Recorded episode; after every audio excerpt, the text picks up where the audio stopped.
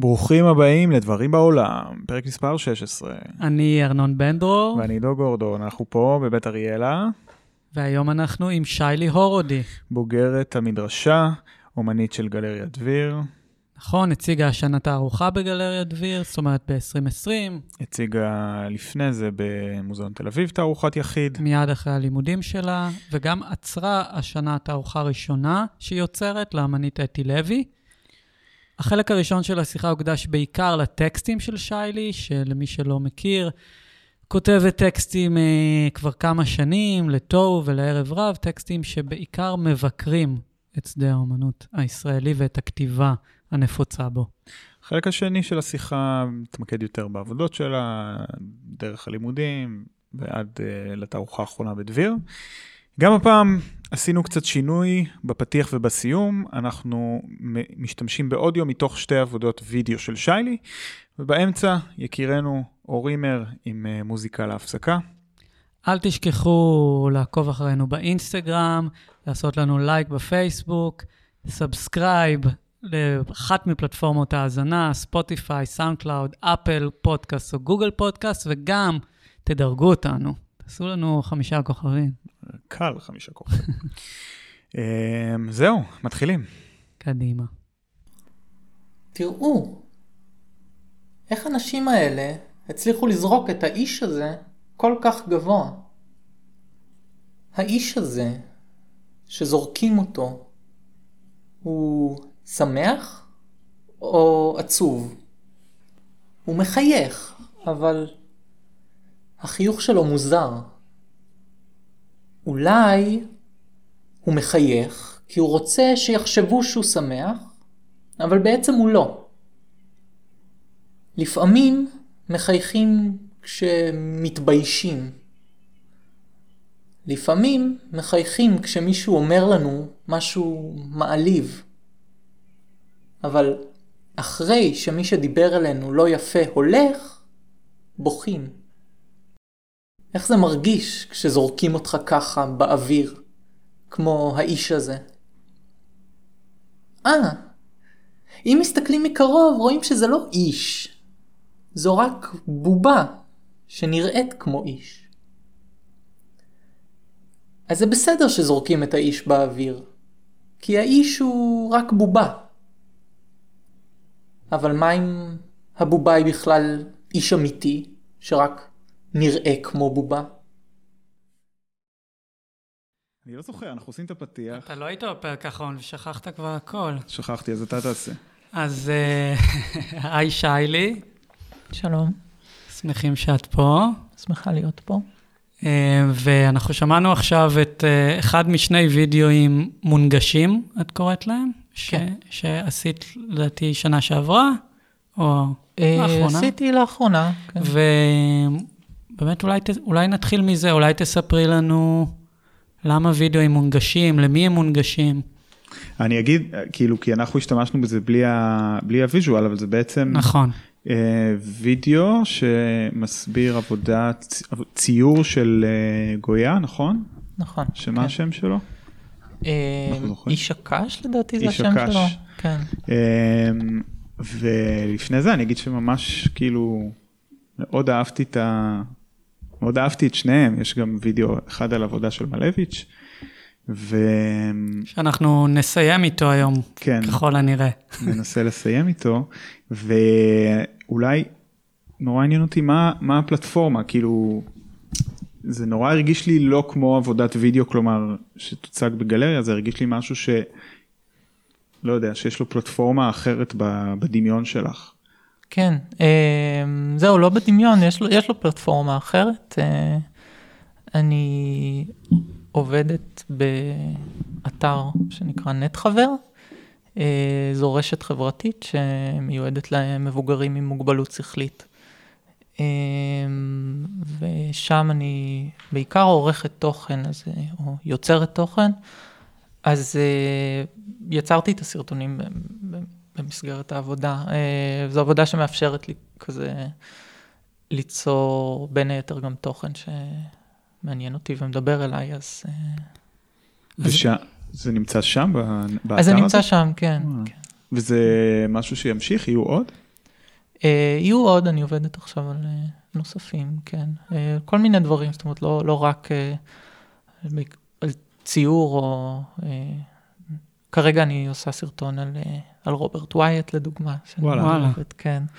אה, יש איזה אופן דיבור מסוים שאני חושבת שבכלל אולי אנחנו לא, לא, לא יוצא לנו אולי לדבר על דברים מסוימים, אבל בטח אה, אנשים עם מוגבלות שכלית, יש הרבה דברים שלא מדברים איתם עליהם.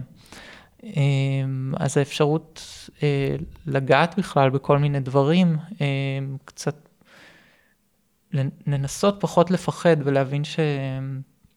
כי מה שקורה בסופו של דבר- זה שאנשים אה, חיים בתוך איזושהי מסגרת, ובתוך המסגרת הזאת בוחרים מכל מיני סיבות, בגלל כל מיני עמדות, אה, למנוע מאנשים אה, לחשוב באופן ביקורתי על, על המצב שהם נמצאים בו והם חיים אותו. אה, אז היכולת אה, לחשוב באופן ביקורתי, גם אם היא לא יכולה להתרגם לאיזושהי פעולה, אה, בהכרח או לא תמיד היא יכולה להתגייס, זאת אומרת לפעמים ההבנה של התרגום של תסכול לכעס או עצב לכעס, היא מאפשרת לנו איזשהו שחרור, שזה לא אנחנו שדפוקים, אה, שאפשר אה, להסתכל החוצה ולהבין מה נעשה לנו. אז כן. אחד הדברים אולי שאני רוצה, מנסה לעשות אותם אה, עם ה... אה, מה, להעביר את. האשמה מעצמך, או מאיזושהי אה, אה, תחושה קורבנית לעבר כאילו איזושהי מערכת, או מבנה, או משהו שהוא באמת דכאני, שהוא מחוץ לך, שאתה יכול לתעל אליו את הרגשות השליליים האלה? כן, אז אחד הדברים שקרו, אה, אנחנו, האתר בעצם לא היה פעיל עכשיו שלושה חודשים, אנחנו ממש עכשיו חזרנו לפעילות, אה, ואנחנו לא עבדנו בגלל שלא היה תקציב למדינה, והאתר הוא מתקיים מתקציב של הרווחה. אה, לא עבר תקציב, זה לא קשור לקורונה, לא עבר תקציב כבר שנתיים נדמה לי. כן, קצת כן, יותר, זה? קשור בגלל העניינים הפוליטיים. ש- כן. שאין תקציב, כן. כן, אז, אז היינו ב... היינו סגורים, חשבנו שאנחנו ממש אה, כבר התחלנו ממש לסגור את, ה, את האתר, להיפרד מהאנשים. אה, הצליחו להעביר איזשהו אה, תקציב אה, חירום, קוראים לזה, לאחרונה, וחזרנו לפעילות. אבל כן ביצענו איזושהי פרידה, וכשהייתי צריכה לבצע פרידה, אז זו הייתה הבנה שהייתה לי עם, עם, עם אחת הנשים שאני עובדת איתן, ש... אה, שהייתה מאוד מאוד עצובה, והיא בחורה ש... היא כמ- קשה לה מאוד אה, להוציא קול בכלל, זאת אומרת, אה, יש עניין עם המיתרי קול, היא לא ממש מוציאה קול, היא מאוד, לוקח זמן, לומדים איך אה, להבין את מה שהיא אומרת. בת ו- כמה היא? אני לא פחות או זוכרת יותר, עכשיו. זאת אומרת, אה, צעירה או מבוגרת? 40, אה, אוקיי. מבוגרת, אממ, כן. אממ.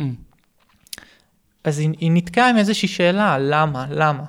אה, והיא שאלה את השאלה הזאת כאילו כמעט חנוכה, היה קשה מהרגיל אפילו ל, ל, לשמוע, להבין.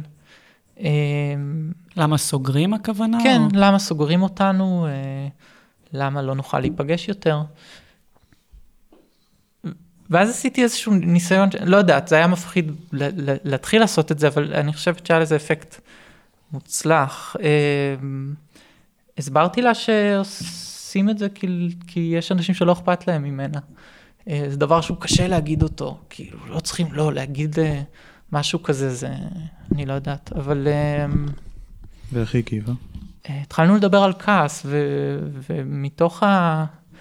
הקול שלה כבר לא היה חנוק, כאילו פתאום היה אפשר לשמוע אותה. אה, זה היה מאוד מרגש, פתאום לשמוע אותה אומרת, אני כועסת, והיא, והיא אמרה כמה פעמים, שוב ושוב.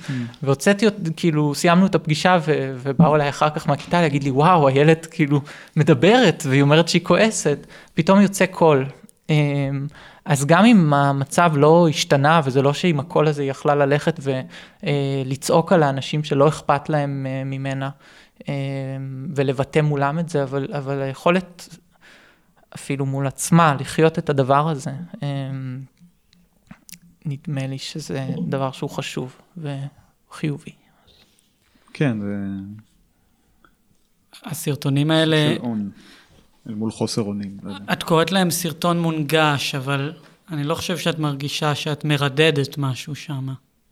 לא, נדמה לי שהאתגר, זה משהו שלמדתי כשעשיתי הדרכות, אה, עבדתי בגלריה העירונית של כפר סבא איזושהי תקופה קצרה, כן. ובעבודה עם ילדים התחלתי לחשוב על העניין הזה ש... על כמה זה דורש כשמנסים לדבר, לפעמים עושים הדרכות לילדים ו... ועושים את זה מאוד משעמם, אה, פשטני. אה, האתגר של לעשות משהו שהוא מעניין ועמוק וברור ובהיר, אה, זה, זה דורש הרבה, כאילו, כשעושים את זה. וזה חשוב, וזה... אני אגיד שזה, אני רוצה, אני מנסה להגיע, אופס, מנסה אה, ליצור את זה לפעמים בעבודות או בטקסטים. אה, כשאיפה כללית, אני שואפת להגיע להגיע- לשם, כי אני חושבת ש... להגיע לבהירות הזאת, להגיע... כן, כי אני חושבת שדרך הבהירות הזאת, נגיד, אומנות תוכל למצוא מקום אה, בחיים שלנו, שאני חושבת שהיא, היא, לא יודעת אם היא איבדה אותו או אם אין לה אותו, אבל אני חושבת שיכול להיות לה מקום יותר משמעותי בחיים שלנו, אה, ואני לא מתכוונת רק לאלה שלא מבינים אומנות או משהו כזה. אה, אני חושבת שגם לנו כאומנים יש אה, ניכור מהעבודות שלנו כשאנחנו מתחילים לדבר עליהם אה, אך ורק דרך מה שאנחנו קוראים לו תיאוריה. אבל שוב, תיאוריה היא לא חייבת להיות לא בהירה, אבל אנחנו בדרך כלל מתכוונים בתיאוריה לאיזה משהו שהוא לא כל כך בהיר, ולא ברור לנו, ובעצם לא נוגע בחיים שלנו, ברגשות שלנו. אני, כש- את שני הוידאוים האלה, גם לא היה לי את הידע שיש לי עכשיו ביחס.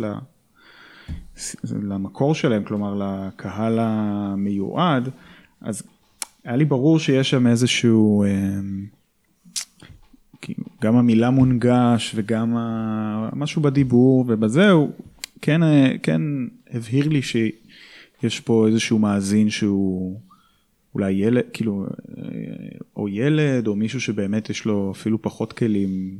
כמעט גם, אפילו שזה לא עושה את הפעולה הזאת, זה קצת מזכיר גם הנגשה לעיוורים של עבודות, כאילו יש משהו שהוא נורא אה, תומך או סיעודי באווירה, אבל כאילו מה שנורא דיבר אליי בדבר הזה, זה שהוא הרגיש גם מאוד מאוד מדויק ל... כהנגשה של אומנות ל... אפילו לא לאדיוטות, אלא אפילו לאומנים, כלומר, הרבה פעמים בשיחות האלה יצא לנו לדבר על, גם כשדיברנו עם, עם דלית אה, כאוצרת, וזה משהו שעלה הרבה פעמים על, ה, על התיווך הזה או על החוסר נהירות של דברים, ואיך, ט- ו, וכשדיברנו הרבה פעמים על טקסט ביחס לעבודות אומנות, שגם על זה כתבת איפשהו, אולי נגיע לזה. כן, כתבת לא מעט, נראה לי על זה. אמ, אז אה, זה ממש הרגיש לי כמו אמ, סטאדי ממש טוב לאיך איך אפשר להנגיש אומנות אה, לכל אחד, לא, לאו דווקא, ל...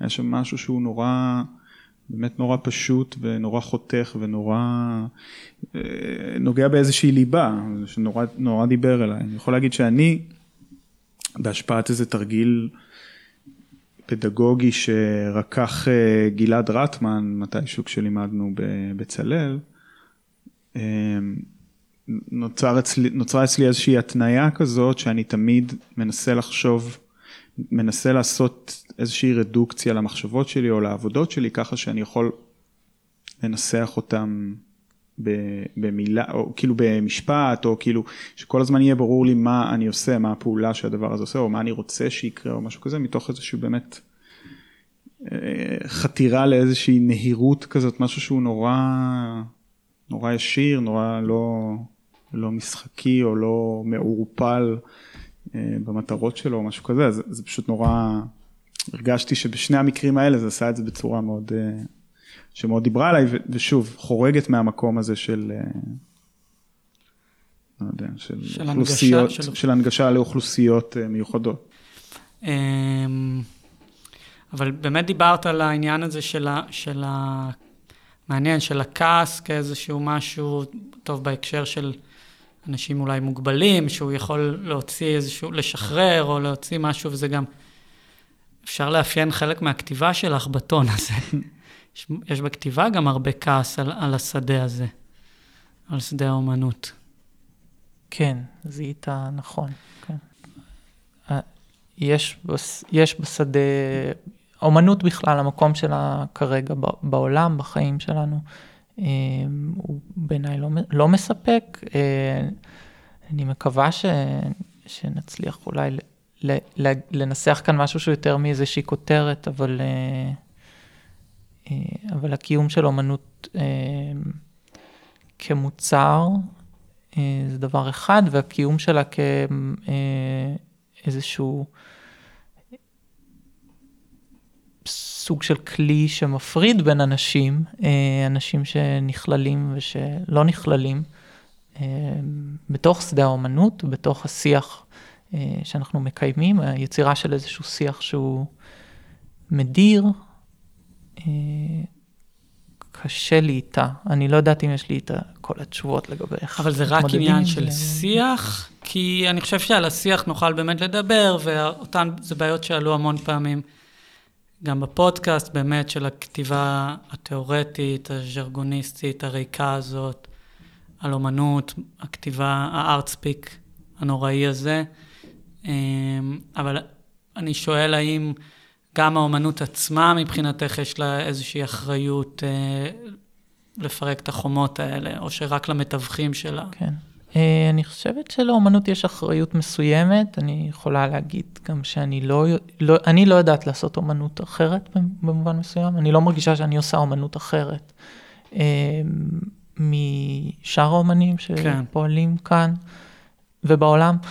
אה, אז אני, אני מקווה שהאומנות יכולה לעשות משהו אחר, אני מנסה לפעמים למצוא את הדבר האחר הזה שהאומנות יכולה לעשות. אולי, אולי קרה שהצלחתי, אני מקווה, לאפשר איזה, איזה, איזה רגע משמעותי עם צופה מסוים, אה, אבל, אבל אני חושבת, אני רוצה לסייג, כאילו, את האפשרות של אומנות לפעול, אה, אני חושבת שלאומנות יש אפשרות מאוד מוגבלת לפעול אמ, בתוך ההקשרים הנוכחיים ש, שמקיימים אותה. אה, ולכן אני חושבת שכאומנים גם עלינו אה, לבקש, אה, ליצור הקשרים חדשים ולארגן, זה דבר שהוא עמוק, כאילו אני חושבת שאנחנו צריכים לארגן את החברה מחדש, לחשוב איך אנחנו, לדמיין איזושהי חברה אחרת ש... שבה לאומנות יש מקום ונוכל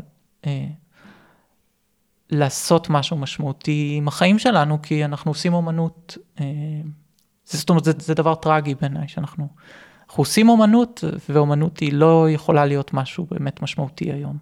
אז את מאמינה עוד שהיא יכולה, כי את יודעת, זאת אומרת, זה לא, אני לא יודע אם זה משהו שהוא היום, אני חושב, את יודעת, מהגל והלאה, המקום של אומנות, אה, או נגיד, המחשבה הזאת שאומנות היא כבר לא, היא לא תופסת את אותו מקום אה, משמעותי בחיים של קהילה, בחיי הרוח של העם, או משהו כזה, ואנחנו 200, 200 שנה אחרי, וכאילו נדמה לי שבמצב שלנו היום אנחנו כבר מין, אה, או רוב האומנים לפחות, מקבלים את הדין הזה, שהם עושים איזשהו דבר, זה ידבר למי שזה ידבר אליו, זה יכול להיות מעטים מאוד. אה, אבל הדבר הזה הוא חשוב להם, ואולי לעוד איזה מקבץ של אנשים שזה חשוב גם להם. מה, מה בעייתי במצב הזה בעצם? כאילו, למה היא חייבת להיות, אה, נגיד, מהותית יותר בשביל ציבור רחב או משהו כזה?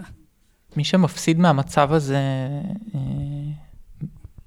בעיקר זה לא, זה לא האומנים. אני חושבת שמי ש...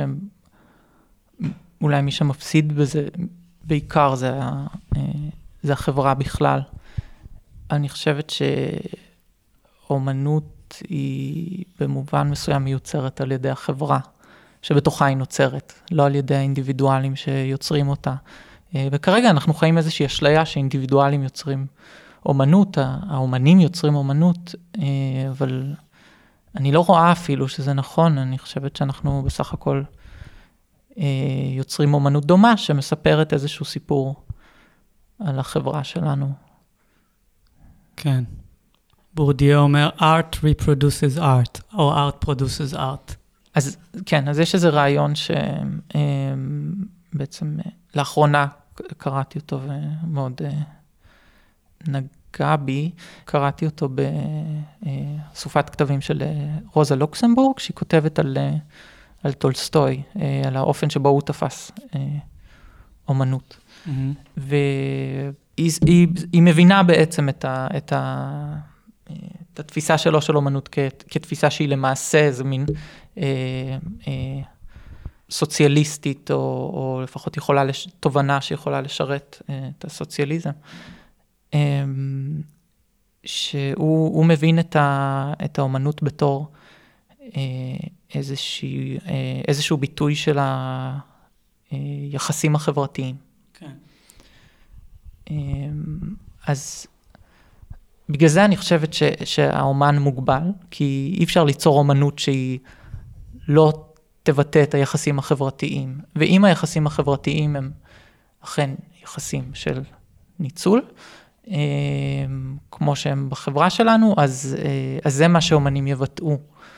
אה, אחר כך, אני לא חושבת שיש לנו סיבה להיות מופתעים שאנשים רואים אומנות ומתעצבנים, כי בין אם אנחנו רוצים בין אם לא, האומנות היא מבטאת את היחסים החברתיים. אז אם יש לנו חברה שהיא אה, אגואיסטית, אז אה, זה יתבטא באומנות. אם יש לנו חברה שהיא אה, עסוקה בהפרדה של בני אדם, בתחרות, אז אנחנו נראה את זה בא לידי ביטוי באומנות, ואם יש לנו חברה שהיחסים בה מושתתים על, על צריכה ועל קניין, אז זה יבוא לידי ביטוי באומנות. זה, יש מי שיכנה את זה מרקסיזם וולגרי. כן. במובן הזה שהוא משאיר אה, מקום מאוד מוגבל אה, לאדם או ליוצר.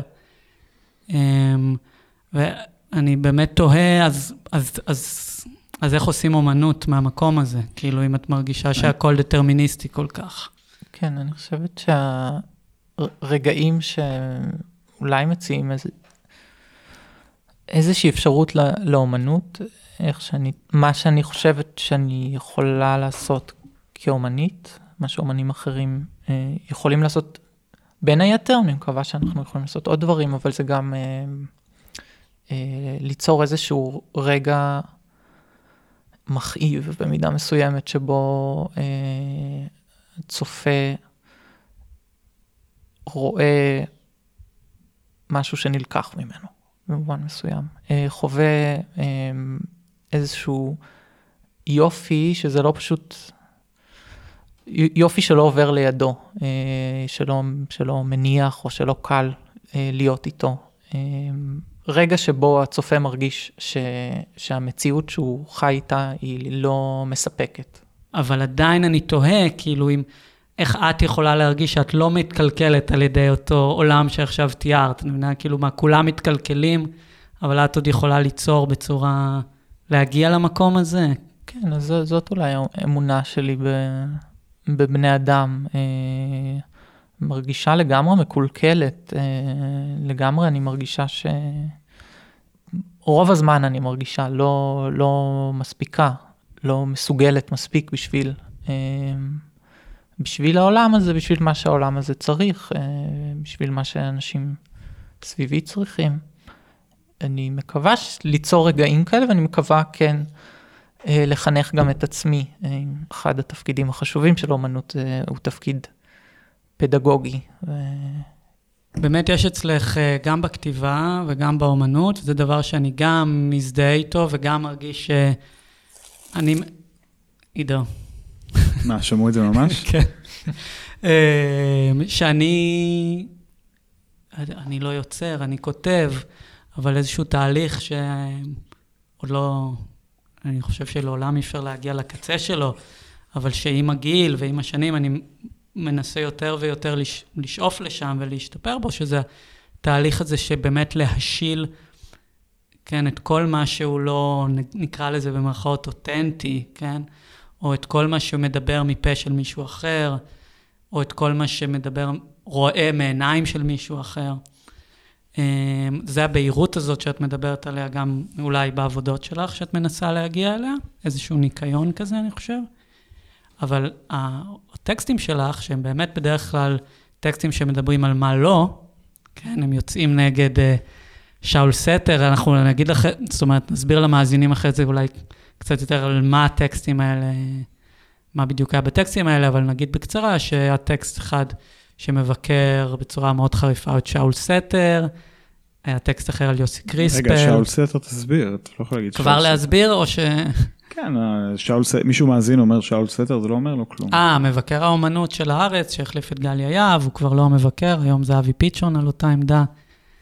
אמ, אבל היה שאול סתר, אה, יוסי קריספל, שהוא ראש המחלקה לאומנות בבצלאל. טוב, אנשים אה, רבי השפעה נגיד בשדה, קרן גולדברג, אה, יש טקסט שמבקר את הכתיבה שלה, גדעון עופרת גם. אבל מרגיש לי שהביקורת הזאת באה באמת בסופו של דבר מהמקום הזה. זאת אומרת, שלומר כאילו, זה לא אותנטי הדיבור שלהם. סוג של דיבור מסוים שהוא לא ישר בעצם. כן, אף פעם לא חשבתי על זה באופן כזה, כאילו ביקורת על זה שהם לא אותנטיים, אה, אבל זה נכון, זה, זה, זה, כן, זה משותף לכל הטקסטים האלה, לביקורת שעולה שם.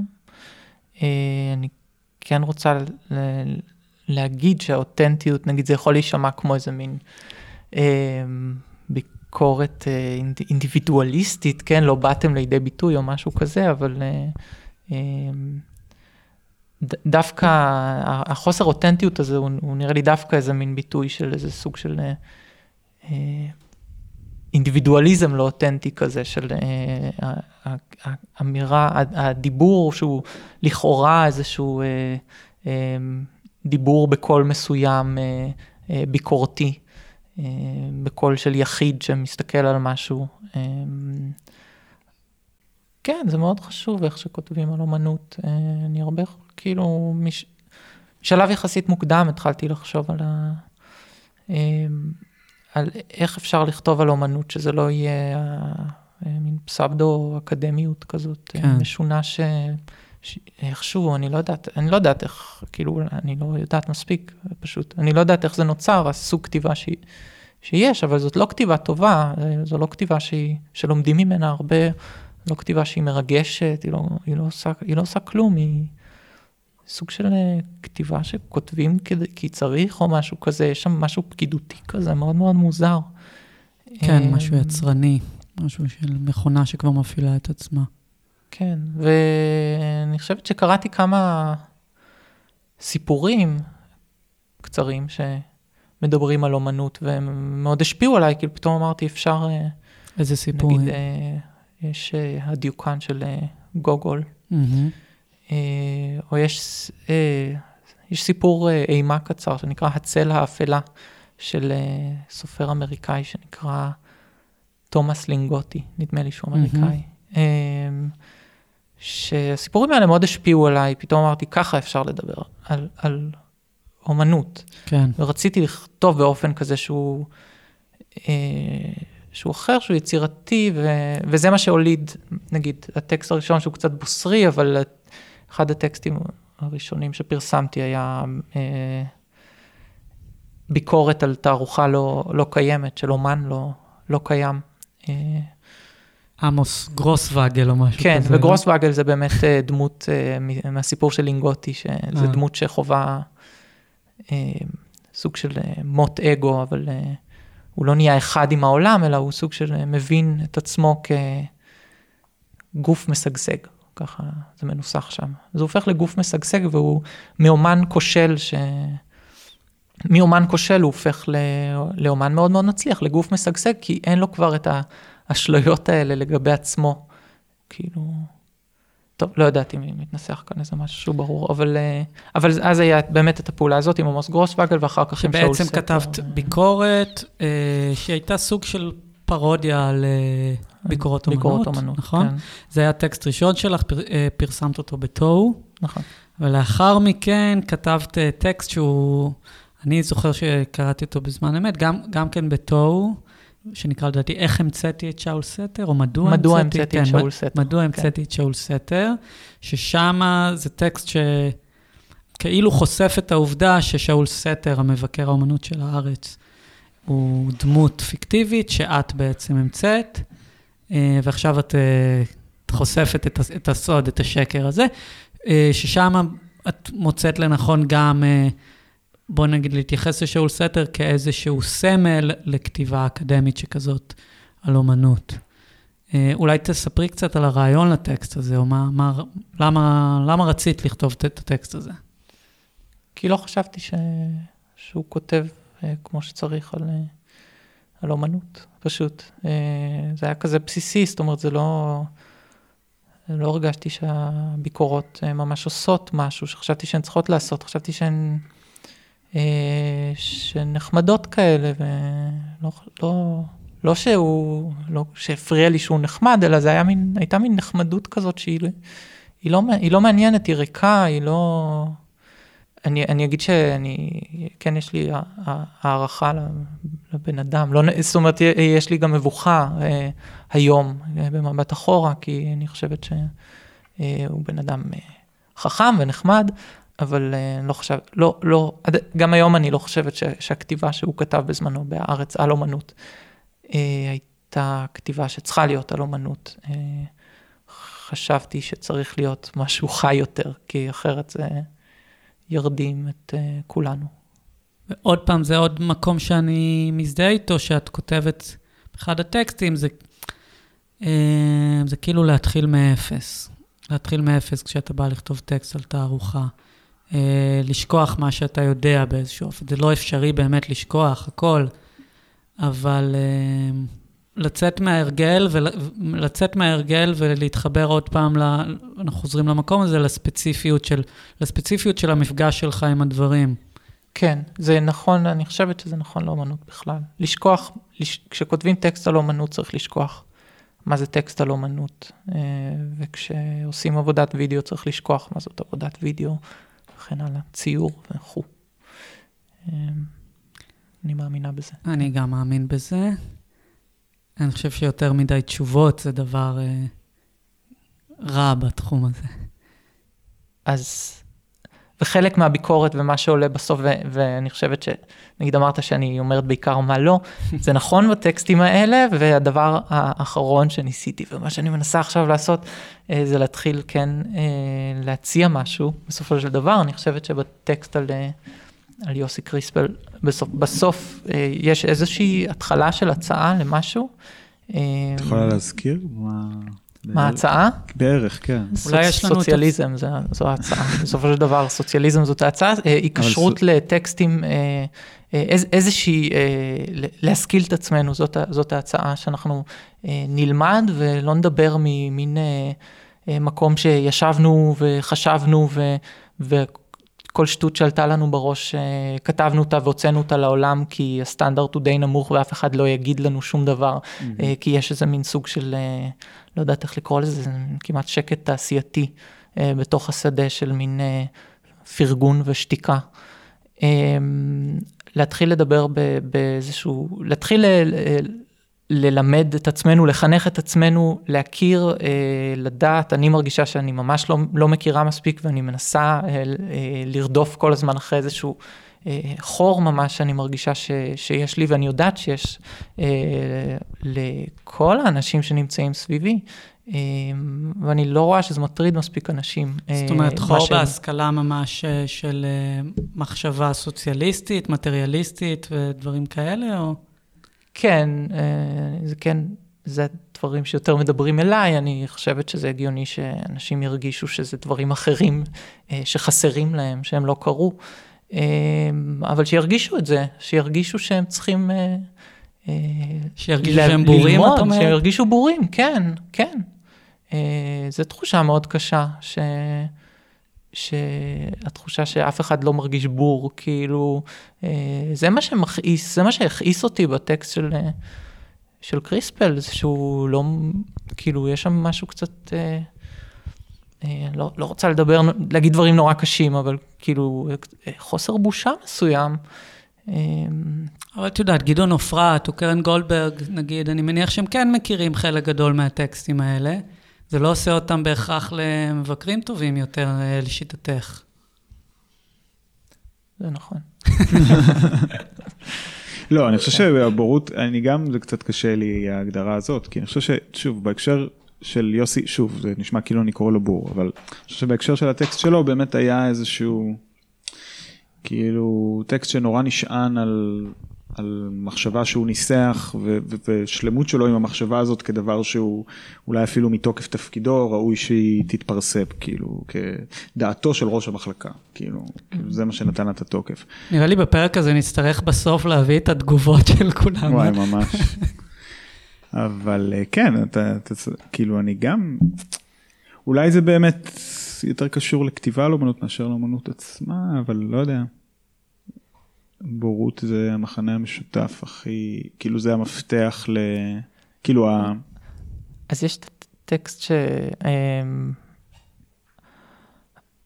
יש טקסט שלא, יש אה, איזשהו קטע שירד בעריכה מהטקסט שכתבתי בשביל, אה, בשביל טיוטה.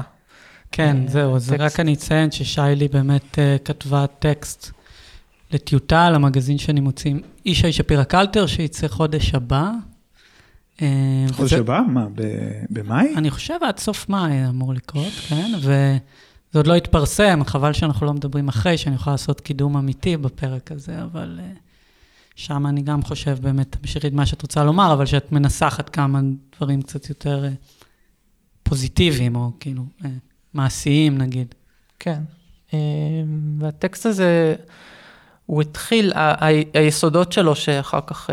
אה, הפיגומים שירדו אחר כך, אה, אבל, אבל כן הייתה שם איזושהי הבחנה ש, שיום אחד היא לא תרד אולי בעריכה, אה, קשורה לאיזשהו יחס בין,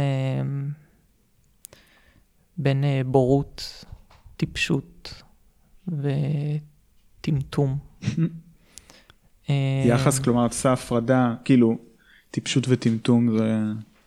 בורות זה אולי אה, איזשהו חסך שיש לנו ב, בידע, אה, טמטום זה איזשהו אה, מצב תודעתי שאנחנו נתונים בו, וטיפשות זה איזשהו בניין שאנחנו בונים על היסודות האלה, זה איזשהו משהו אקטיבי שאנחנו יוצרים אותו, ושלושת הדברים האלה לוקחים חלק בחיים שלנו בכלל, בשדה האמנות בפרט.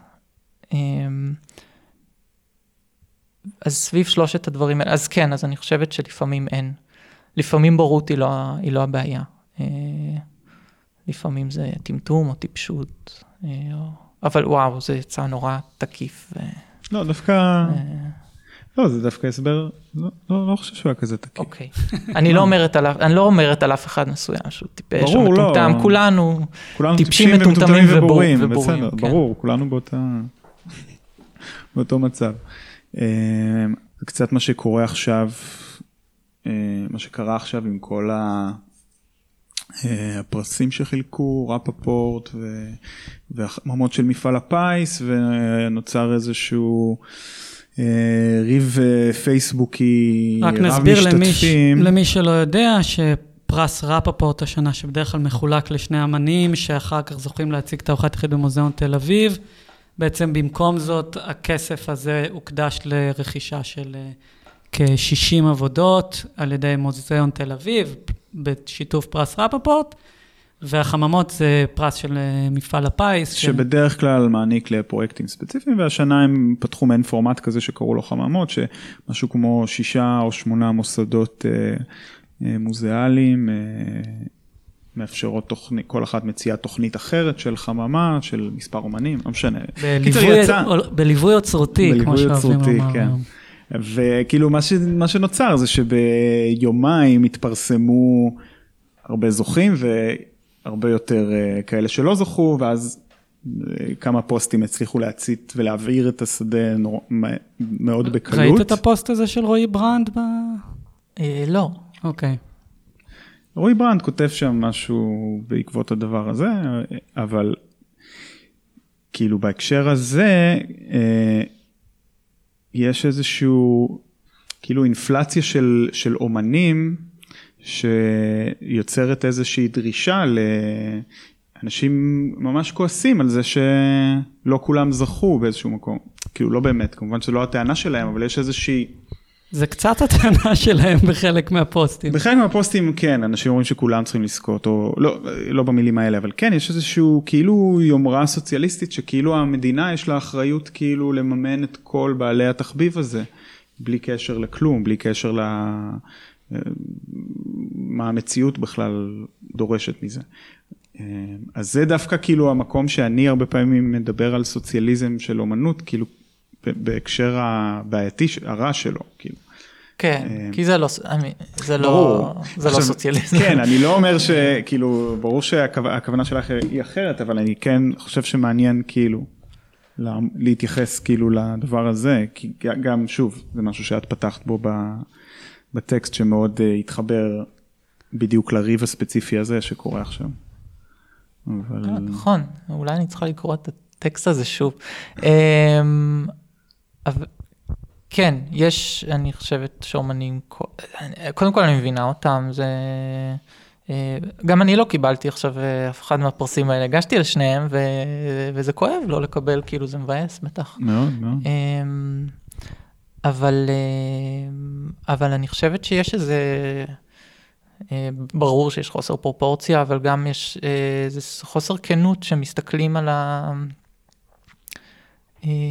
שמסתכלים על, ה, על האומנות בכלל, זאת אומרת, זה שהביקורת לא מתנסחת פה ביקורת אמיתית, כי, כי, כי אין ביקורת, כי זה לא ביקורת על איזה דברים כן, כן קיבלו, או אם זה הביקורת היא על, זאת אומרת,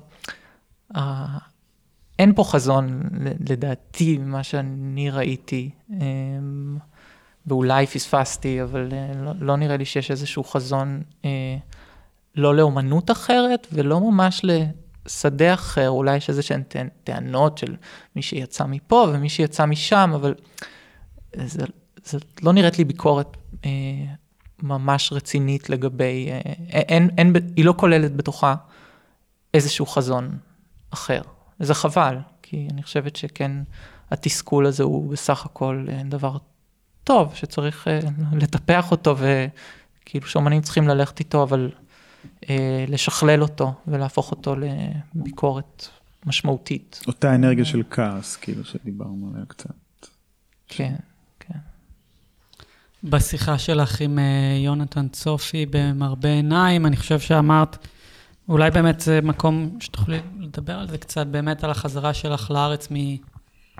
מניו יורק, וההחלטה, לח... זה היה מניו יורק בעצם? כן. כן, ועל ההחלטה לחזור, אבל באמת את אומרת שם ש...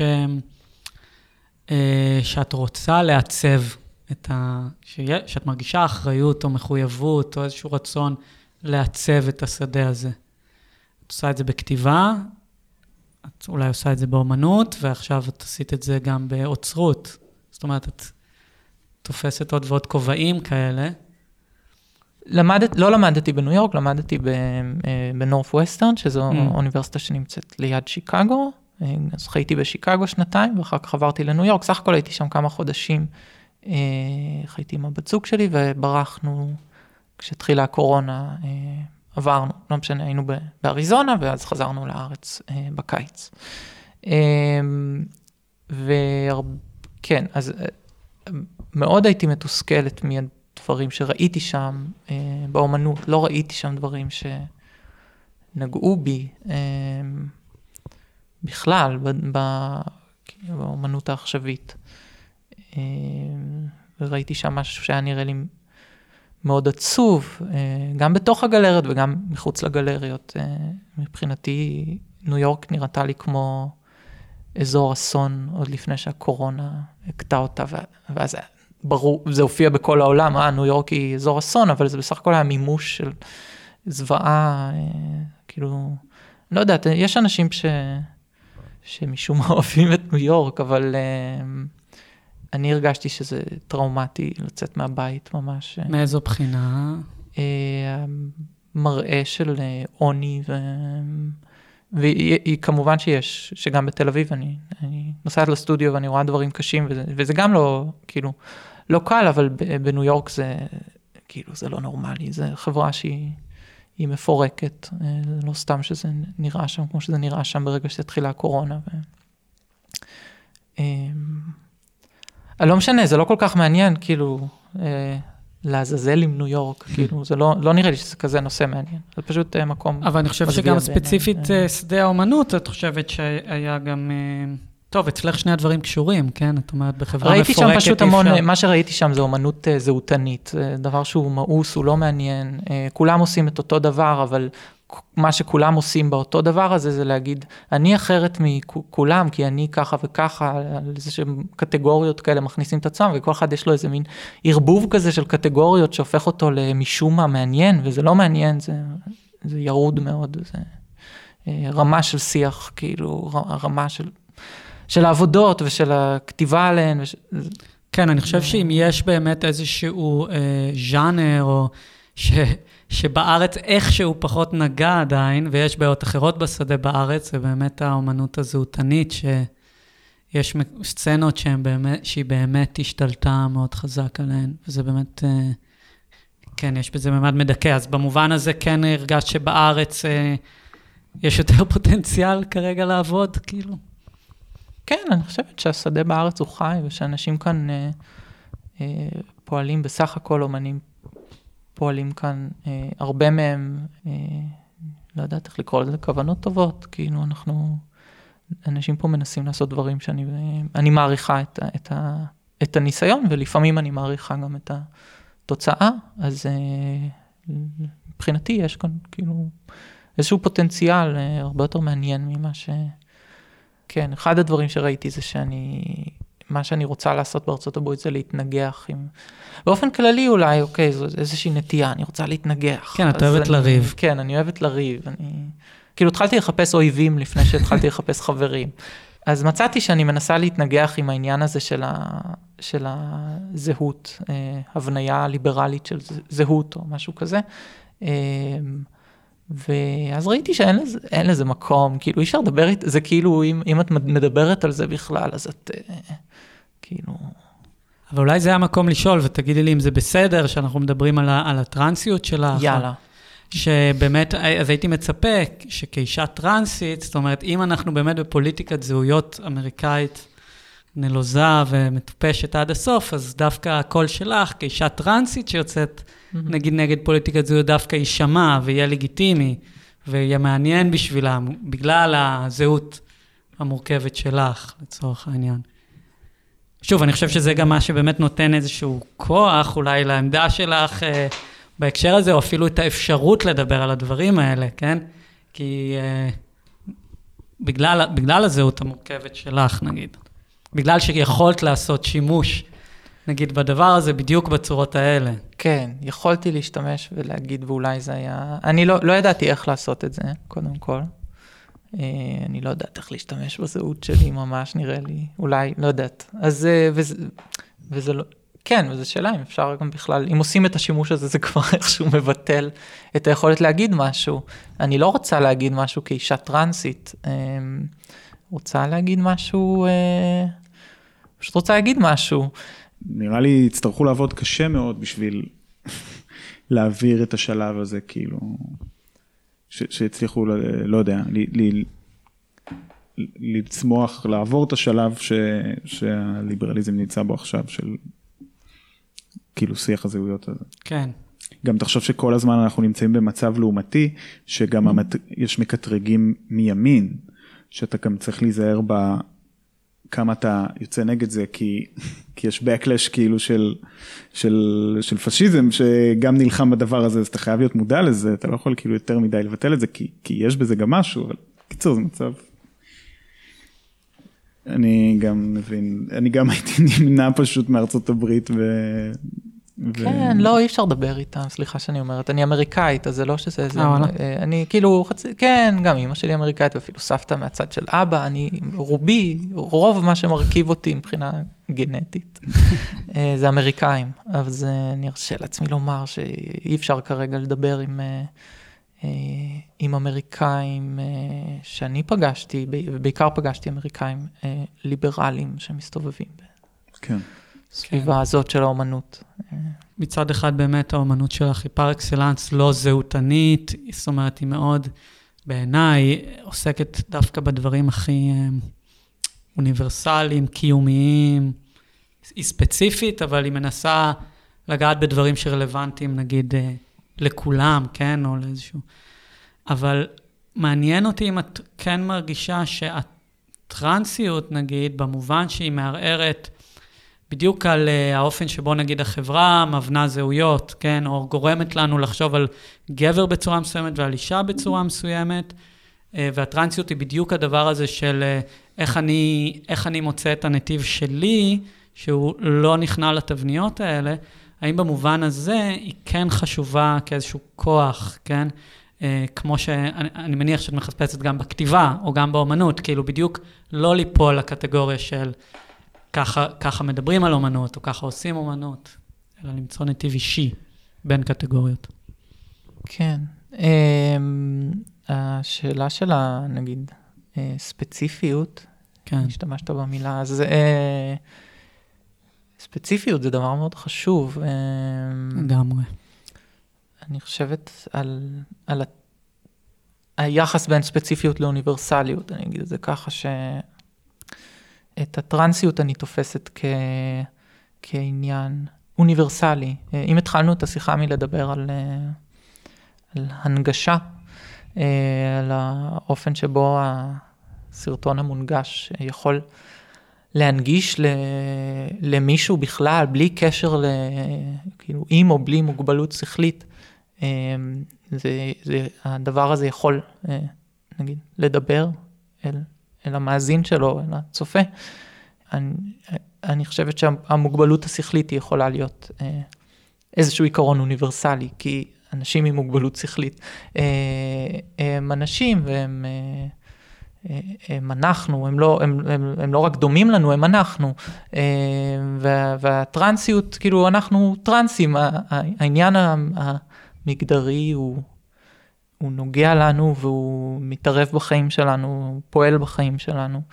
אמ, אז העבודות שלי, יש לי עבודות שלחלוטין עוסקות בטרנסיות, אני לא חושבת שבהכרח מי שצופה בהם, תמיד זה יהיה ברור מההתחלה שזה, אה, שזה עוסק בטרנסיות, אני יכולה לדבר על עבודות ספציפיות ולהדגים את זה, אבל... נגיד, איזו עבודה באמת. אמ, אז אתה... הייתה את העבודה שהוצגה בדביר, התערוכה, זה, זה הוצג בתוך תערוכה שנקראה על שם. העבודה הזאת, העבודה נקרא אה, אישה כחולה עם פוט ירוק אדמדם. אה, והיא הייתה ניסיון אולי הכי מפורש, נגיד, לנסח איזושהי אה, הבניית זהות. זה משקפת שהיא מעוקמת באיזשהו אופן שבו היא נמצאת בחלל, תלויה על מין מקל כזה, אם מסתכלים דרך המשקפת, אז... העדשות אה, עוותו באופן כזה שהן יוצרות הצלבה של המבט, כמו מין פזילה כזאת. אה, ומה שרואים בקיר שמול המשקפת הזאת, אה, תלויות שתי ידיים וכפות ידיים, יציקות בעצם, יציקות גבס, אחת אדומה ואחת ירוקה. והאדומה, אני לא זוכרת איזו אחת פונה פנימה ואיזו אחת פונה החוצה, אבל אחת פונה פנימה ואחת פונה החוצה. אה, ככה שהן יכולות, אה, ואחת זו יד ימין ואחת זו יד שמאל, אז הן יכולות בעצם להשתלב, לשבת אחת על השנייה, מי שמסתכל דרך המשקפת הזאת, אה, רואה בעצם דימוי אחד, לא כולם הצליחו. כן, אני לא הצלחתי, אני חושב. דורש איזשהו כושר שמעטים למען האמת הצליחו. זה מאוד מגניב כשמצליחים, גם כשלא מצליחים, לא נורא. אבל מה שקורה כשמצליחים לראות את זה כ, כיד אחת, רואים יד שהיא אדומה היא רק רכה, והיא פונה פנימה והחוצה בו זמנית. Mm-hmm. ואין לנו, אה, אין לנו יכולת לראות, אה, אין לנו מושג של צבע ירוק אדמדם. אה, יותר מהכל זה היה דומה למין אפור עמוק mm-hmm. כזה מאוד מתעתע. ואין לנו מושג של איזושהי רציפות של פנים וחוץ, אבל זה מה שנוצר שם. אז אני חושבת שאפשר להציע לעבודה הזאת כל מיני קריאות, אבל אה, מה שלי היה חשוב זה הרצף הזה של פנים וחוץ, שמאפשר שינוי, אני חושבת על זה כאיזשהו שינוי אה, מגדרי שהוא אה, קורא באופטיקה, הוא קורא באור, הוא לא מבקש מהאדם שמופיע מולנו לרטש את עצמו, לנתח את עצמו, לעשות בעצמו כל מיני שינויים, אלא אה, זה, זה משהו ש, שקורה בין האנש, האנשים, בין Mm. הצופה לנצפית. אה, ליצור איזושהי מערכת יחסים אחרת ש, שנפגשת באמצע, אני לא, אני לא רוצה לתת את עצמי למבט של מישהו אחר ואני לא רוצה להופיע באופן שהוא הכי פשוט למישהו אחר, לא להתבלבל בטעות ו, אה, ולפנות אליי בלשון הלא נכונה או מה שלא יהיה. אה, זה עיסוק טרגי בעיניי, שהוא תמיד אה, נידון לאיזשהו כישלון. אה, נשים מנתחות את עצמן, נשים טרנסיות, ו- ועוברות לגמרי, ועדיין מוצאות שלפעמים פונים אליהן בלשון זכר, כי הניסיון הזה הוא לא יצליח לעולם עד שלא נציב איזושהי דרישה לצופה. והדרישה הזאת היא, אולי זה כזה, להמשיך למשהו אחר, הדרישה הזאת היא לא יכולה להיות פשוט ש, שיקבלו אותנו. אה, אני לא, לא, אני לא מעוניינת באופן אישי שיקבלו אותי, אה, אני לא בהכרח מקבלת אנשים אחרים, אה, אז קבלה, אני לא חושבת שהיא יכולה להיות איזשהו יסוד פוליטי אמיתי לקיום הטרנסי.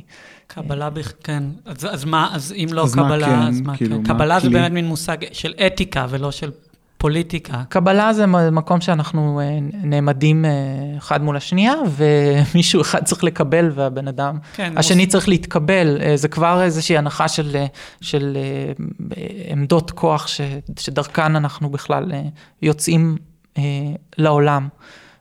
אני חושבת שזה לא מנותק מהאופן שבו אנחנו צופים היום, לא רק באומנות, אנחנו צופים ככה בטלוויזיה, צופים ככה ב, ב, בטלפון שלנו, אה, צופים ככה ב, בעולם, אה, באיזושהי מחשבה שהעולם צריך אה, לסדר את עצמו באופן שיהיה לנו קל להבין ו... ו אה, לעכל אותו, לצרוך אותו, אז המקום שלי, אני, אני לא יודעת אם אני יכולה לנסח את זה יותר טוב מכאילו להיפגש באמצע, אבל אני, אני מקווה להיפגש באמצע, אני רוצה להיפגש באיזשהו מקום של שוויון, אני רוצה את זה גם כ, כאומנית, אה, אה, ליצור אומנות שנפגשים איתה באמצע, שהיא לא נותנת הכל, היא לא נותנת את כולה, את, את היא שומרת משהו לעצמה, אה, והיא גם אה, מאפשרת לצופה לשמור משהו לעצמו, לקיים איזושהי עצמיות אמיתית אה, שהיא אחרת מלצרוך ואחרת מלעבוד. כאילו שהוא לא רק עובד וצורך, הוא עושה אולי משהו אחר, שומר משהו מעצמו לעצמו. טוב, נראה לי נצא להפסקה. הפסקה. הפסקה. טוב.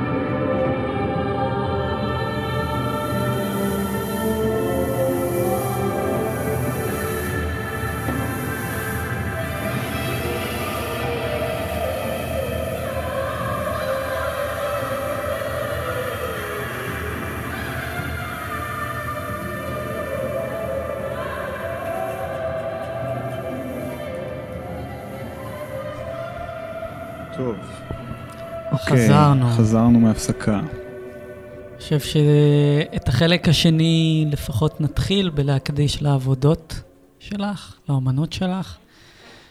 ואולי יהיה מעניין דווקא להתחיל מההתחלה.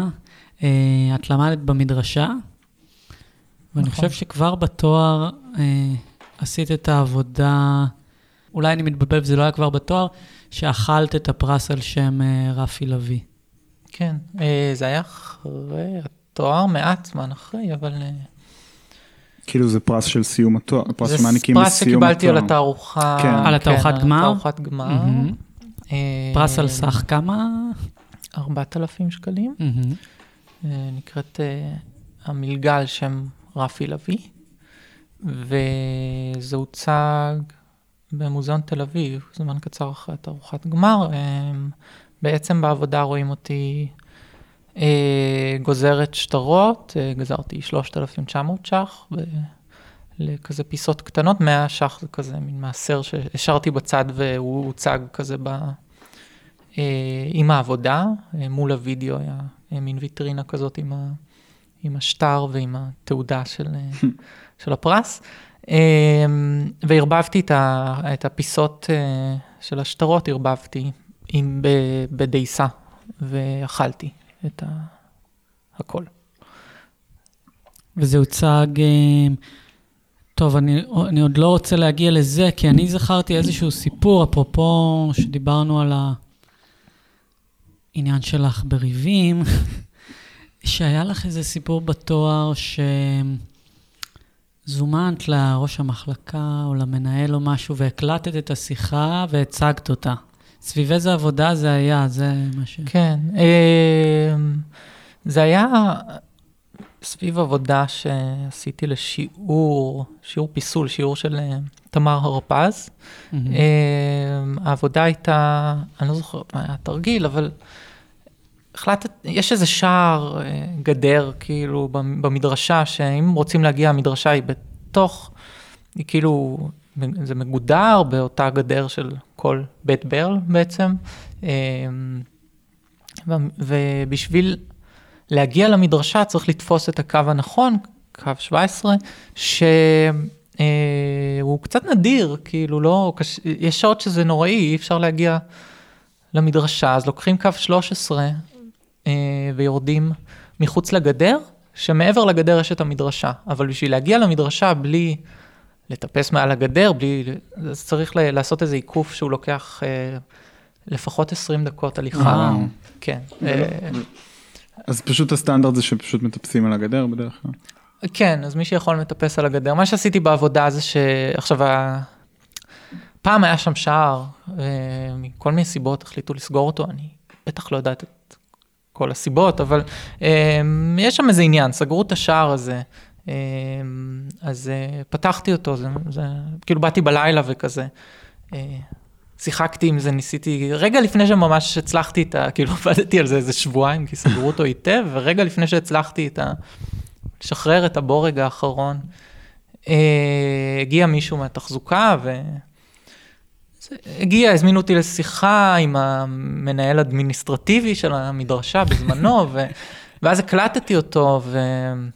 זאת אומרת, באת לשיחה הזאת בידיעה שאת הולכת להקליט ולעשות בזה שימוש? כבר הבנת הייתי. מפוחדת, אבל כאילו חשבתי, טוב, אני, משהו יצא מזה. אמ, איזה סטייל, כאילו, סליחה, לא בהכרח היום עומדת מאחורי העבודה הזאת, אבל בסדר, עשיתי את זה בגיל תש- 19, אז אה, בסדר. אה, 20.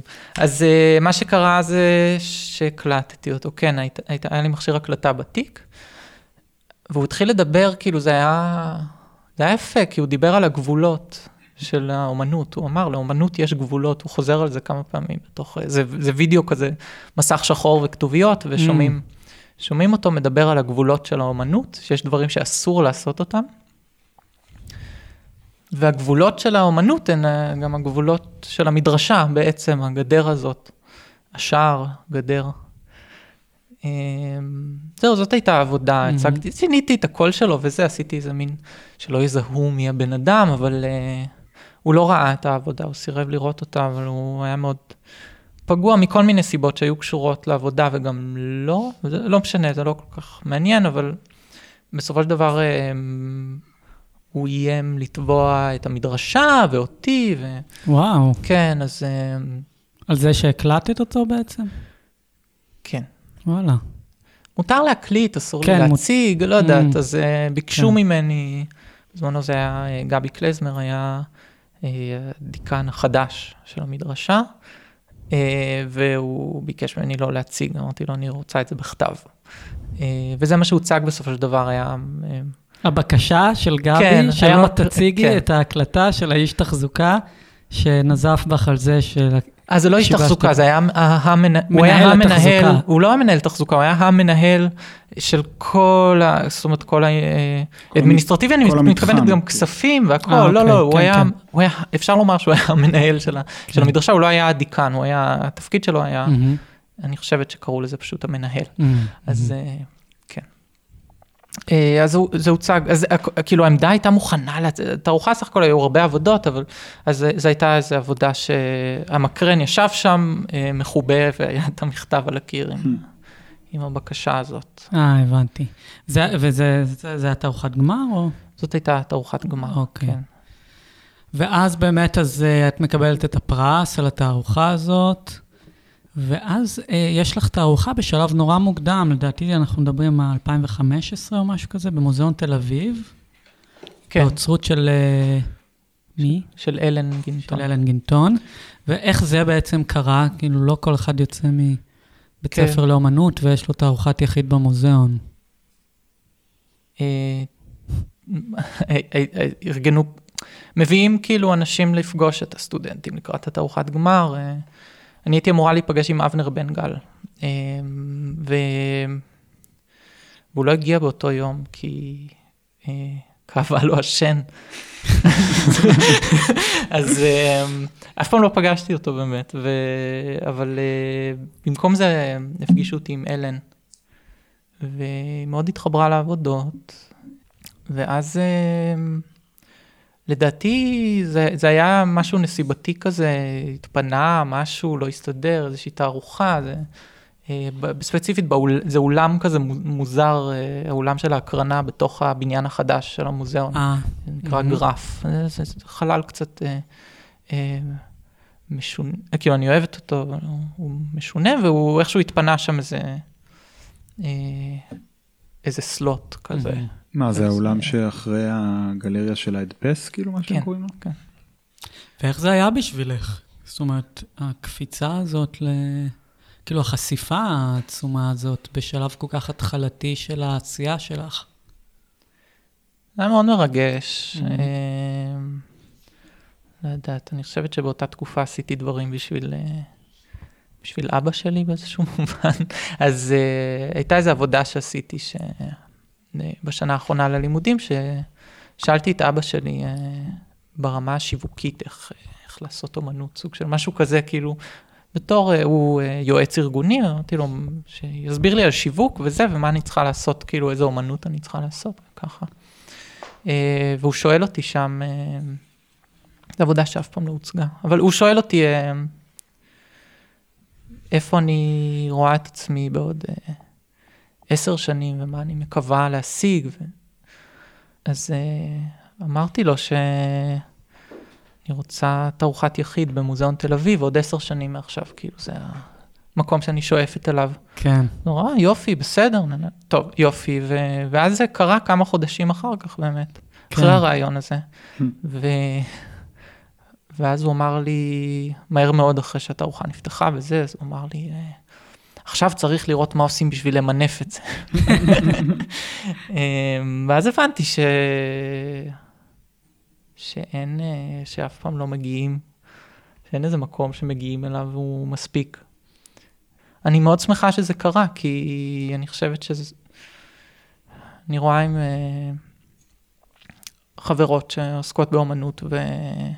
ויש להן איזה אה, כאב נורא גדול על זה שלא, שהאומנות לא רואים או לא מכירים כן. באומנות ובעבודות שלהם, ובאמת, כאילו, וזה חבל, באמת אומנות יפה, וכאילו זה היה נחמד אם הייתה איזושהי הכרה, ואני לא חושבת שההכרה אומרת שבכלל, ושבהכרח רואים את העבודות באופן אה, אה, משמעותי, אבל, אה, אבל אני שמחה שהייתה לי את ההזדמנות בשלב מוקדם להבין שלא קורה איזה משהו גדול כשיש את ההכרה הזאת. שלא נדבר שלדעתי דביר מיד אה, אחרי זה, לא? לא מיד, אבל, אה, אה, אבל כאילו בתוך, כן, בתוך לא הרבה שנים, זאת אומרת, נסעתי ללימודים ובאתי הנה חופשת קיץ ו, ופגשתי את דביר והצטרפתי לגלריה. אז כן, זה זה הכל קרה במעט שנים בסך הכל. אה, גם התחלתי את הלימודים בגיל צעיר, אה, אני, אני מאוד שמחה על זה, אבל זה היה באמת הבנות. התחלת לימודים, רגע, בת כמה את היום? היום אני בת 27. אה, וואו, אני יותר צעירה ממה שחשבתי, כי באמת, אה, כן, הכל קרה נורא מהר. כן. אז את מציגה בעצם בתערוכת אה, יחיד הזאת במוזיאון, הצגת שלושה וידאוים, נכון? ו... נכון. אחד באמת האכילה הזאת של, ה... של הפרס, השני זה העבודה שאת מתחזה, אה, שאת אה, נכנסת לדיזינגוף סנטר כגבר ויוצאת כאישה וגונבת כמה פריטים, נכון? והצגת את הפריטים האלה בתערוכה. כן, תשעה פריטים גנובים. תשעה פריטים גנובים. והשלישית, שאני לא זוכר איך קוראים לזה, עבודה שאת מפתחת פילם בחלל הפה. קוראים לה פיתוח, כן. פיתוח. אני יושבת בבית קפה, ואני מזמינה אה, קפה, כוס עם מים חמים, נדמה לי, ו... אה, ואני מערבבת, יש דרך לפתח פילם עם קפה, אבקת כביסה וויטמין C. אה, ואז קיבלתי אותו עם מלח, זה הכל קורה בפה, אז כן, אז כאילו אה, השתמשתי במין קשית כזאת, אה, ביקשתי קשית מהמלצר גם, זה נכון, וכן, אז מערבבים את הקפה ואת ה... זה היה מגעיל, כאילו. ממש. זה היה, שתי עבודות, זאת אומרת, גם לבלוע את הדייסה עם השטרות, זה היה מאוד... זה היה מגעיל גם? זה היה מאוד מגעיל, וגם, זה היו שתי חוויות מאוד מאוד מגעילות, כן, כן. כמה זמן זה היה צריך להיות בפה? אה, וואי, כמעט אה, קטי, זה היה ממש נוראי. אה, זהו, אני לא זוכרת, אני מפעילה שם כזה סטופר כדי, אז אני לא זוכרת כמה זה. זה היה לפחות איזה שלוש דקות, כאילו, לא. בפה, לשקשק את זה. כן, ואז זה מוצג בעצם, העבודה מוצגת לצד הדפסה אנלוגית כזאת, הדפס כסף של ה... שמה הדימוי שפותח?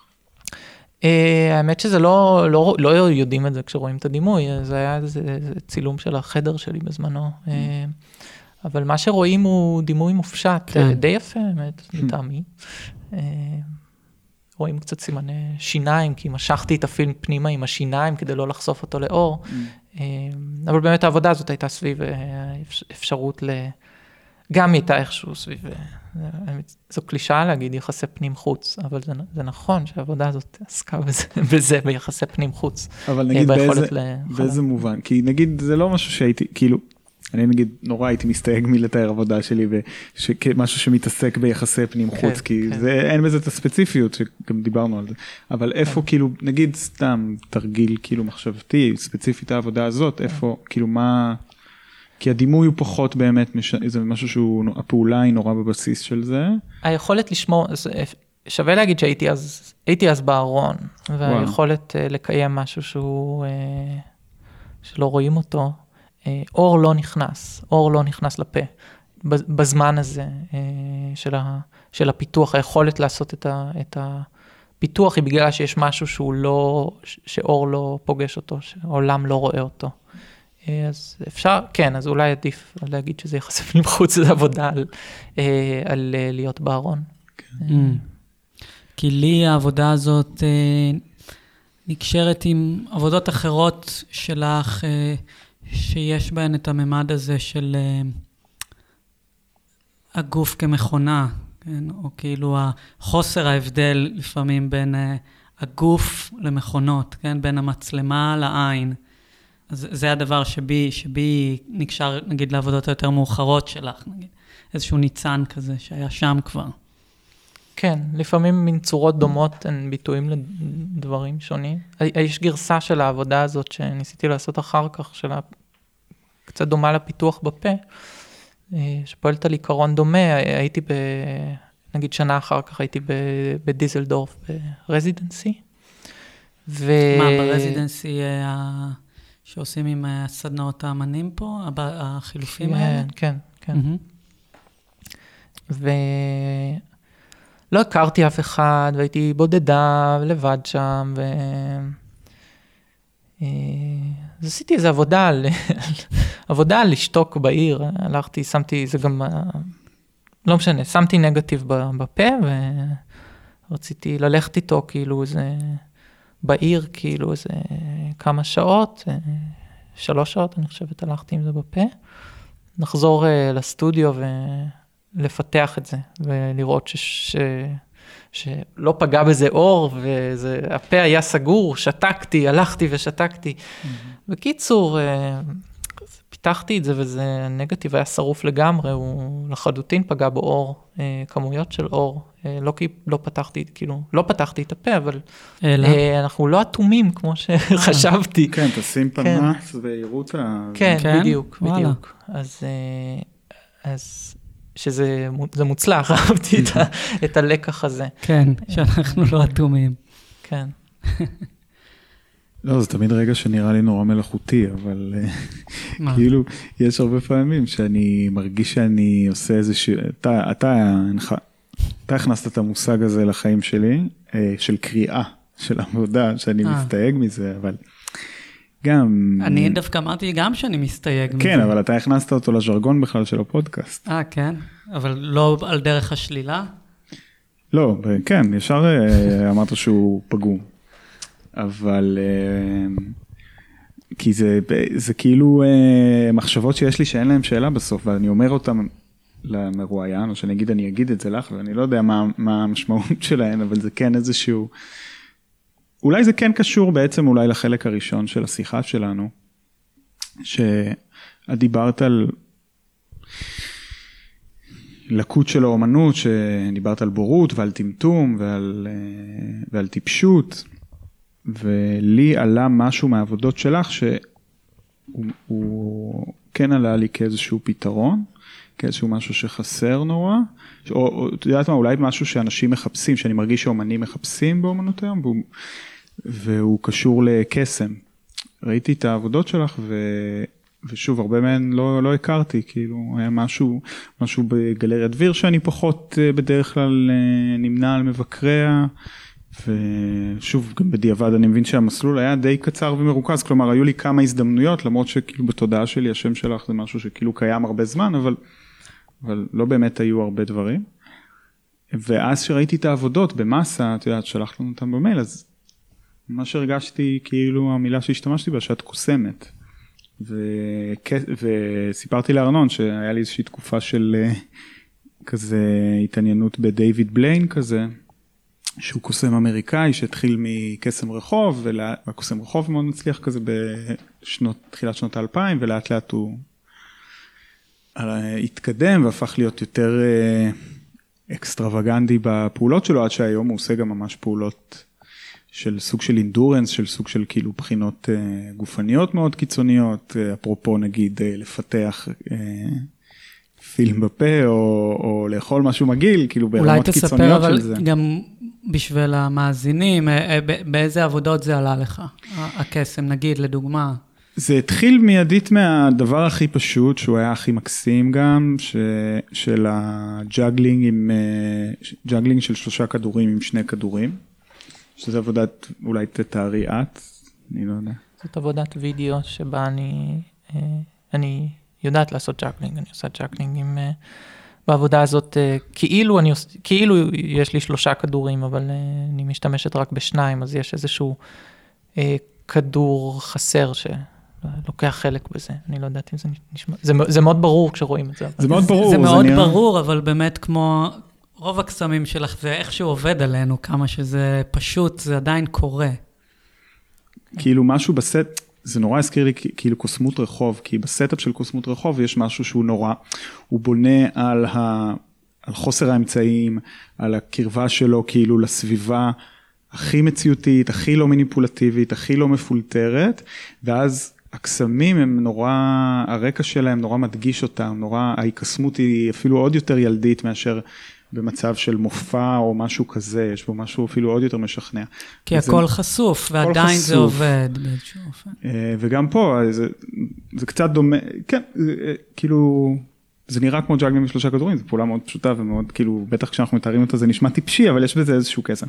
זה כאילו פתאום משהו שהתחלתי לראות הרבה, ב, כאילו, לאורך הרבה מהעבודות, כאילו, יש את הג'אגלינג עם העיניים המכוסות, שזה סוג של כאילו וירטואוזיות אולי, זה ויש פחות... את העבודת קיר בדביר בתערוכה האחרונה, שבעצם אה, אה, הצמדת גדר מסורגת לשני קירות שם, זאת אומרת לשני קירות ניצבים, שיוצרת צורת וו כזאת, ומאחורי זה הטבעת את הצורות של ידיים בכמה צבעים, בטורים ובשורות לאורך אה, כל הקירות שמאחורי הגדר. ועטפת את הגדר באיזשהו, אה, השחלת בואי נגיד בין הסריגים של הגדר אה, חומר פלסטיקי ירוק ונייר טואלט לבן, ובחריצים אנחנו רואים את הדימויים והם קצת זזים לנו כמו איזשהו מכשיר קולנועי מאוד מאוד מאוד ראשוני. כאילו שוב פעם, אנחנו רואים את כל ה... אנחנו רואים מה עשית באופן מאוד ברור, ועדיין הקסם הזה, מה שעידו מתאר, הקסם קורה. נגיד. גם יש בתוך הוידאו אה, אמ, לא, זה בתערוכה לפני. לא, אני לא מדבר על התערוכה, אני מדבר שנגיד בווידאו יש את הפריים של, אה, כן. של ה... ידיים שעושות את הסוס של מייברידג' עם כן. האצבעות, ידיים, כן. גם. אמ, וכאילו היה משהו נורא שלם בדימוי שזה יצר לי, של, כי בכלל יש משהו, כאילו ה- ה- דימוי, אצלי לפחות, של קוסם, שהוא דומה לאומן במובן של כאילו ביחס שלו אל שאר האנושות או אל המציאות, כאילו משהו ב... בדימוי שלו את עצמו, או הדימוי של העולם אותו, שכאילו הוא אומן, הוא גם קוסם, הוא גם, לא יודע, עוד כל מיני דברים מהסוג הזה. וספציפית, כן, זה נראה, זה נראה לי כמו משהו שיש לו איזשהו מפתח ב, במה שאנחנו סימנו כחסר, כאילו בחלק הראשון של השיחה ל, אה, לאומנות היום, כאילו, כן. אה, אה, lost magic, כאילו, של, של כן. הקסם הוסר מן העולם. כן, אה, כאילו החילוניות, וכאילו, החילוניות של האומנות אולי, לא יודע, טוב, לא, זה קצת גולש, אבל כאילו היה איזשהו תהליך כן, כזה לא, של לגמרי. התפכחות. ו... כן. זה ובר אמר שהרציונליות היא הסרת הקסם מן העולם. כן. כן, לדעתי זה אפילו קודם לוובר, אולי, שהוא צי- ציטט. כן, אה, אה, להיות. נראה לי, אבל אה, אולי אני טועה.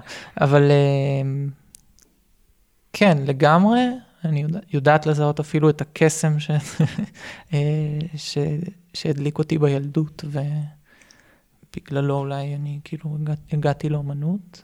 והוא קסם מאוד פשוט שעושים עם, ה, עם הידיים, אה, עוד נושא בעבודות שלך, הידיים. נכון. כן, נכון, שזה גם הדימוי של ה... אה, וגם הכסף, חשבתי על זה, שזה גם נורא בקסם. טרנספורמציה, כן. גם הטרנספורמציה וגם האובייקט הזה הוא אובייקט של קוסמים, כאילו השטר, שלוקחים את השטר מהארנק ועושים איתו, זה, יש את זה עם הדולר, יש עם השטר של המאה, כאילו נורא במקומות האלה. אז טוב, סתם חזרנו אחורה. כן, כן. תמשיכי, סליחה. אז אה, זה קסם מאוד, אה, זה קסם מאוד פשוט, מחזיקים שתי ידיים לפני הפנים, ונאמר שביד שמאל אני, מה, מה המילה לפעולה הזאת, נגיד? מר, מרימה שתי אצבעות כאילו? כן, ו- עושה וי, לא? עושה וי, נגיד, עם, אה, עם יד שמאל, עם יד ימין אני אצביע עם אצבע אחת, בדיוק.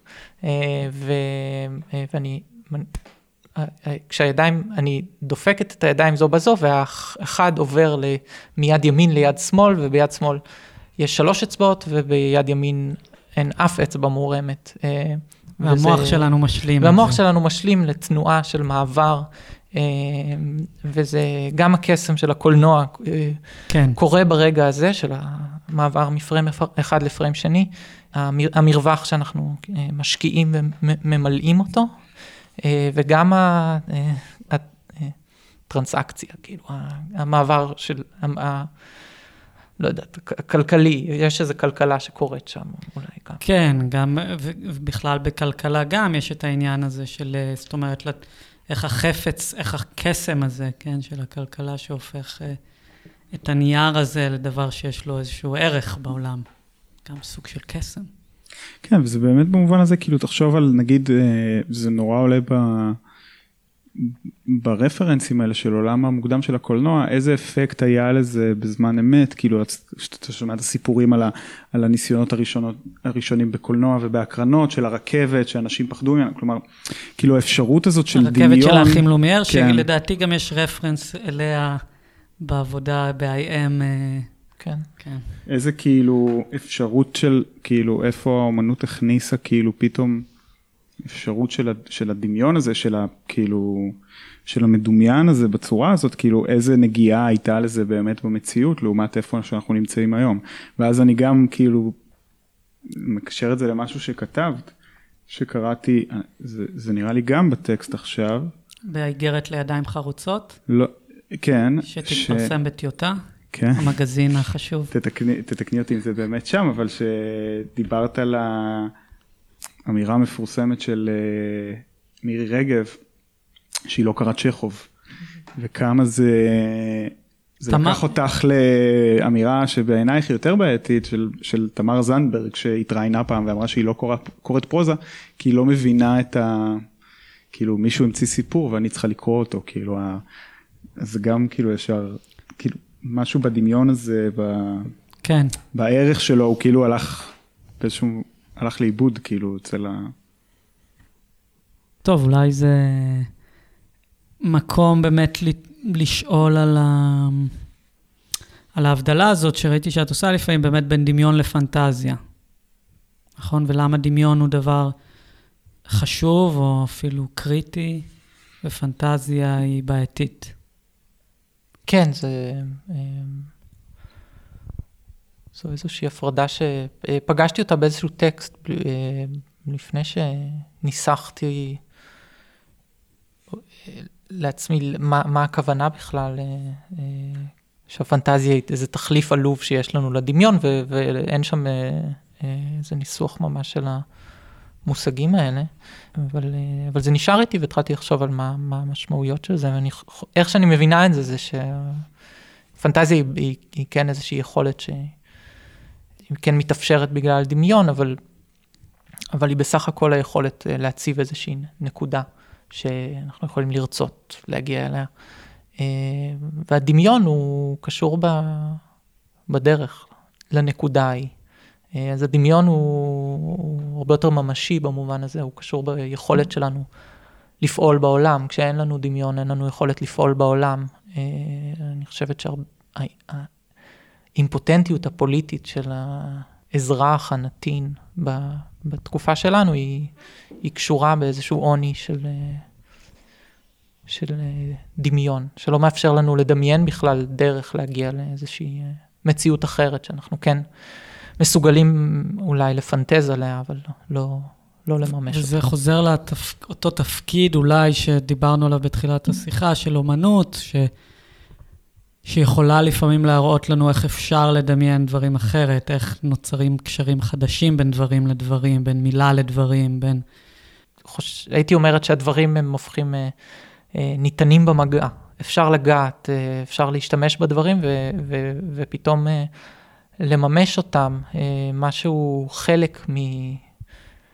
ניקח את הדוגמה של המכשיר, הדברים mm-hmm. שלוקחים חלק במכשיר, שמרכיבים איזשהו מכשיר מסוים, הם עוברים איזשהו מימוש כש, כשהם לוקחים חלק כן. במכשיר.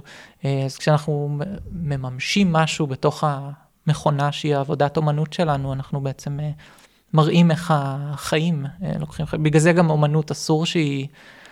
אה, כן, אני אגיד את זה, אסור שהיא, שהיא, שהיא שהיא חייבת לספר, כאילו, היא חייבת לספר את האופן שבו היא, אה, שבו היא נוצרה, היא חייבת לשמור על החוט הפרום שמאפשר כאילו להבין ממה היא עשויה, אה, ושהדברים האלה הם נלקחו מהחיים, וזה לא איזשהו טריק שעשינו עם הזזה של פיקסלים במחשב.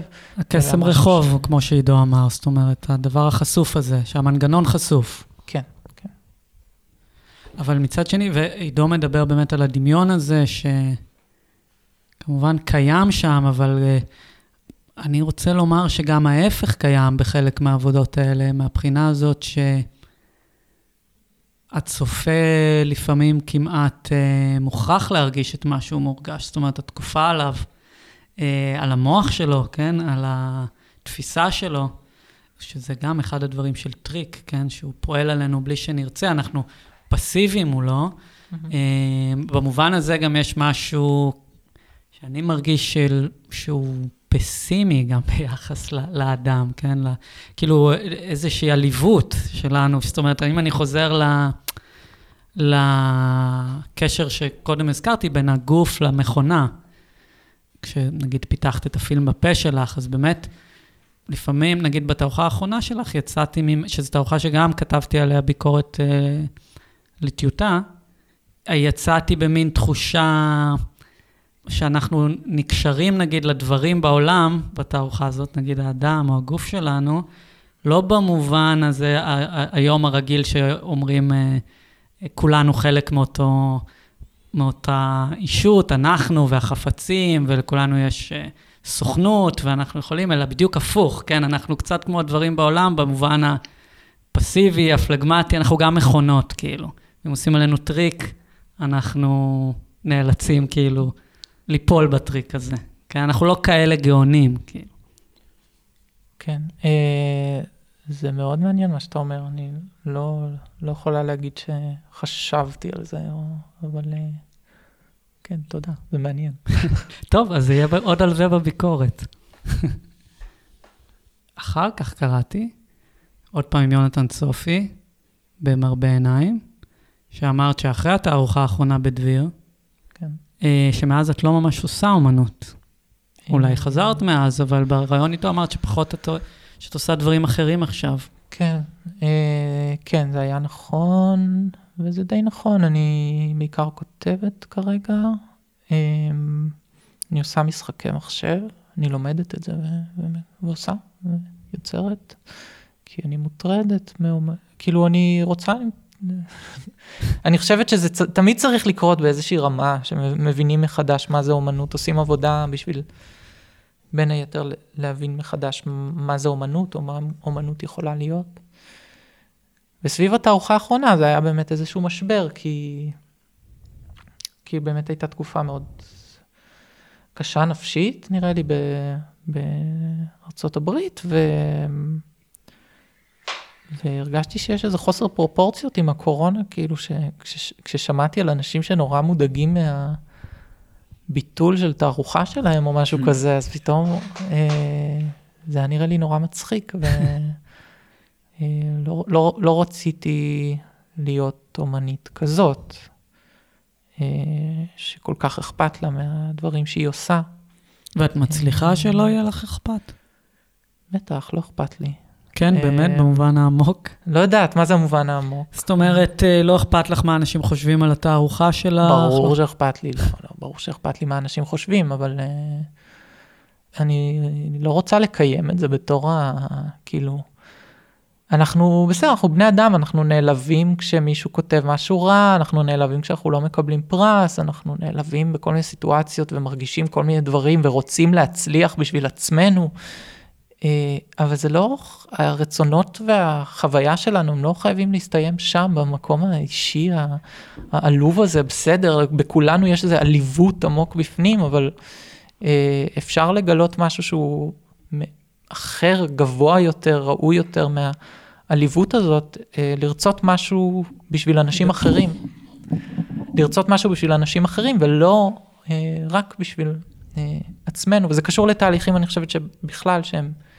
מטרידים שהם קורים בחברה. הם, באופן כללי, אני חושבת שהמקום שהחברה לא רק, זה לא, זה לא ספציפי לשדה האומנות, זה בכלל, המקום שהחברה הולכת אליו הוא המקום האישי, העלוב הזה, אה, שבו אנחנו יכולים אה, לרצות דברים רק בשביל עצמנו. והנה עוד משהו, הצעה לאומנים, כאילו תרצו בשביל, אה, בשביל אחרים, לא רק בשביל עצמכם. אם שאלנו, כאילו, נשאלתי קודם לגבי ה... אה, אם אני, מה אני מציעה לאומנים, אם אני מציעה להם לתפוס עוד ועוד כובעים, אה, לא, לא בהכרח, פשוט למצוא דרך לרצות בשביל אחרים ולעזור לאחרים. אה, כי בסופו של דבר זה, אפילו בשביל עצמנו, אני חושבת שזה משאיר לנו יותר, אנחנו מרגישים יותר חלק מהעולם הזה כשאנחנו עושים את זה.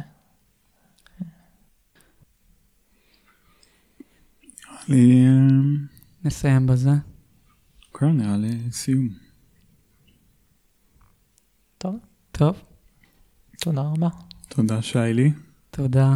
תודה ארנון, תודה עידו. תודה בית אריאלה. שבת שלום. ביי ביי. ביי. אתם יודעים מה זה? זה ציור. מה מצויר כאן? קשה מאוד להבין מה הצייר התכוון לצייר. לפעמים זה לא כל כך נעים לא להבין. לא להבין יכול להרגיש כמו ללכת בלילה בחדר שהאור בו כבוי. בלי אור קשה מאוד לראות. אפשר להיתקע בטעות בדברים. זה במיוחד קשה למי שנוסע בכיסא גלגלים חשמלי. אם יש כזה חושך שלא רואים, אפשר לדרוס למישהו את הרגל בטעות. כשהולכים בחושך, הולכים לאט. הולכים לאט בחושך כי מפחדים להיתקע במשהו, לקבל מכה או להפיל משהו ולשבור אותו. לפעמים מפחדים מהחושך עצמו. מפחדים שאם היה אור, היינו רואים משהו שלא ידענו שנמצא שם. אנחנו מנסים חזק חזק לראות, אבל קשה להבין מה אנחנו רואים. כשאנחנו לא מבינים מה יש סביבנו, זה יכול להיות מאוד מפחיד. כשאנחנו לא מבינים מה יש סביבנו, אנחנו לא יודעים מה יכול לקרות. בגלל זה, זה לפעמים מפחיד להיות במקום חדש. מקום שאף פעם לא היינו בו. לפעמים מפחיד לפגוש מישהו חדש שאנחנו לא מכירים. אנחנו לא יודעים איך מישהו שאנחנו לא מכירים עומד להתנהג. אולי הוא יהיה נחמד אלינו, ואולי לא. אולי הוא פשוט יתעלם מאיתנו, או ידבר אלינו כאילו אנחנו ילדים. זה לפעמים כואב לא להבין. כואב לא להבין איך לגרום לאנשים להתנהג כלפינו בדרך שנעימה לנו.